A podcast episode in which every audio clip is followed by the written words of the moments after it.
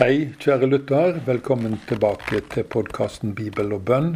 Mitt navn er Jens Thoresen. Jeg er pastor i Kristkirka på Stord. Neste gudstjeneste er den 4. desember, og da er det en familiegudstjeneste, og du er hjertelig velkommen i Bjellandsveien 51.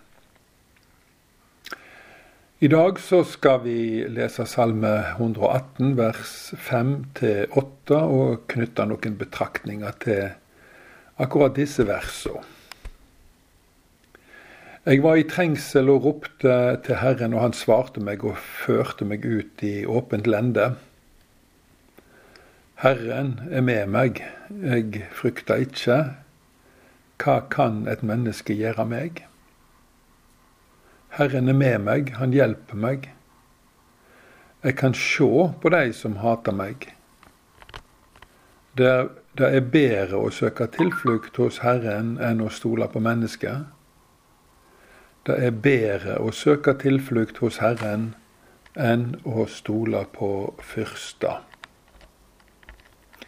Og det var vel til og med vers 9, tenker jeg, ja. Trengsler kan være så mangt. Krig, forfølgelse, sykdom, anstrengt økonomi, vanskeligheter i familien, vold i nære relasjoner og mangt annet. Han som skriver denne salmen, har problemer med folk som ikke vil han, vil han vel. Ja, mer enn da de hater han, og, og de oppførte seg truende mot han.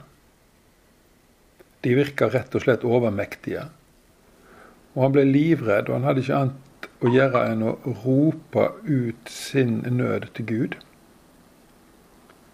Det var ingen mennesker han kunne henvende seg til som kunne hjelpe. Vi prøver ofte å søke hjelp hos mennesker når vi har det vanskelig. Det er så nærliggende.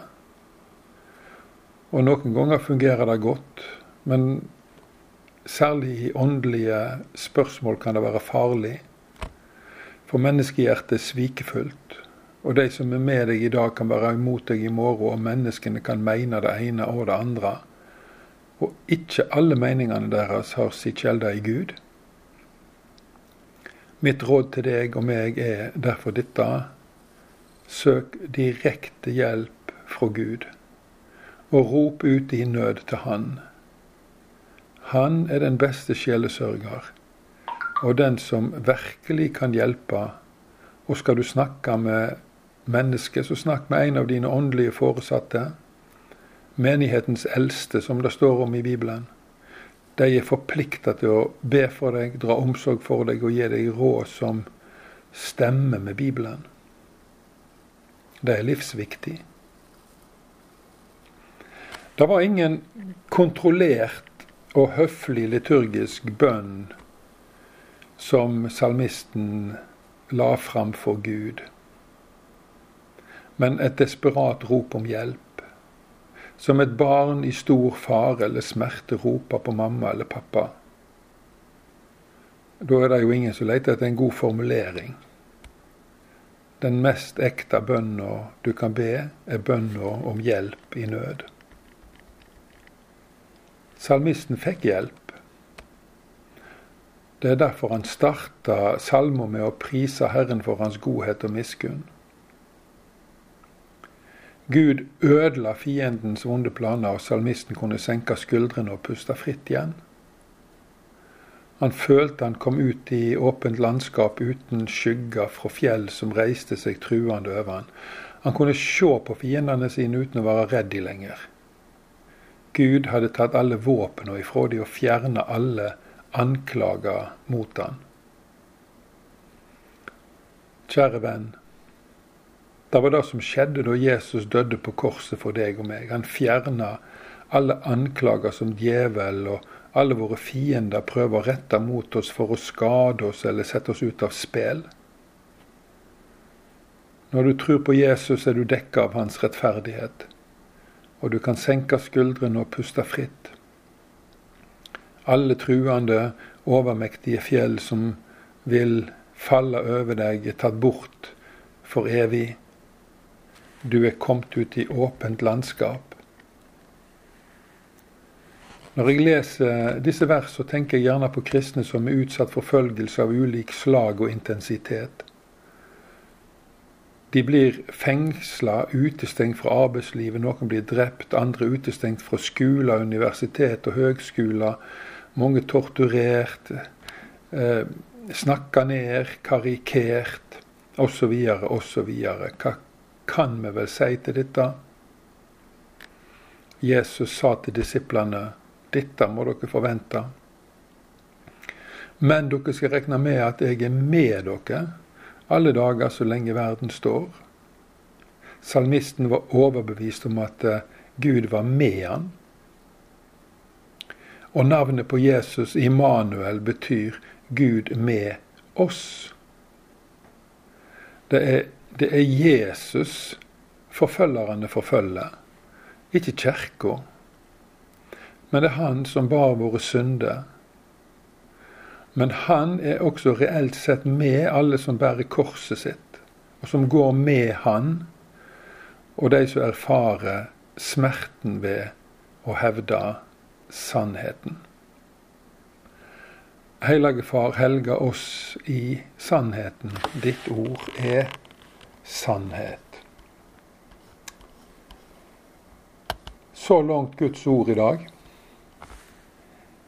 Vi er nå kommet til bønneavdelingen, og da skal vi først be for Turkmenistan. Et land som ligger i Sentral-Asia og, og uh, ut mot kysten til Kaspiahavet på østsida der, helt sør. Grensa mot Iran og Afghanistan, og i nord Usbekistan og Kasakhstan. Og Som vi forstår, så betyr stan land. Turkmenistan har jo et folketall som er større enn Norge. 6 118 000 fordelt på 30 folkegrupper som snakker ni ulike språk. Hovedstaden er Ashgabat. Og de snakker turkmensk, som er et tyrkisk språk, et sørtyrkisk språk. I 2006 døde en forferdelig selvopptatt diktator, en som heter Niasov. Han satte opp statuer av seg sjøl over hele landet, så han brukte enormt med penger på det. Men etter han døde, så har turkmenerne fått litt større frihet enn de hadde før. Men det er langt igjen før vi kan kalle Turkmenistan et demokratisk land som respekterer menneskerettene. 92% av landets befolkning er muslimer. 1,8% er kristne, og det er stort sett russisk, armensk og ukrainsk ortodokse. Det er noen evangelisk kristne i landet, ca. 1000 stykker. Og de er etnisk turmensk, turkmenske. Over 63% av befolkningen i Turkmenistan blir regna som helt unådde. Så her er det rom for misjon. De kristne i landet er stadig utsatt for trakasseringer. Og da tenker jeg på disse evangeliske, disse tusen evangelisk kristne.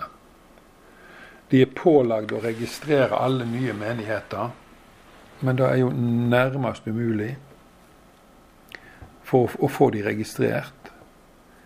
Og de, de, som prøver på å bli legale, oppnår bare å få fokus retta mot seg. Og mange forsamlingslokaler blir stengt.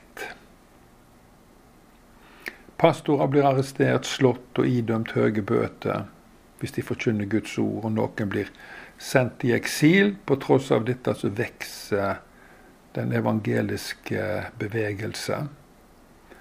Rundt 1990, da Turkmenistan ble fri fra Sovjetunionen, så var det to til tre evangelisk kristne der, og i dag er det altså 1000. Så det er jo en formidabel vekst prosentvis, men det er jo kjempesårbart, for de er så få. Mange turkmenere lever i andre land. To millioner i Iran, én million i Afghanistan. Og så er det en del andre land også som har mindre grupper med turkmenere. 50 av turkmenerne er sysselsatt i jordbruket. Dette til tross for at 90% av landet er ørken. Ryggraden i økonomien er produksjon av olje og gass og bomull, og de eksporterer elektrisitet fra enorme vannkraftverk. Alt dette fører til store miljøproblemer. Ellers er det å si at turkmenske kvinner vever de uvanlig vakre tepper. Vi skal be for Turkmenistan. Vi ber gode Gud om at styresmaktene i dette landet skal begynne å respektere menneskerettene, at de skal slutte å forfølge kristne og utvikle et stadig bedre demokrati.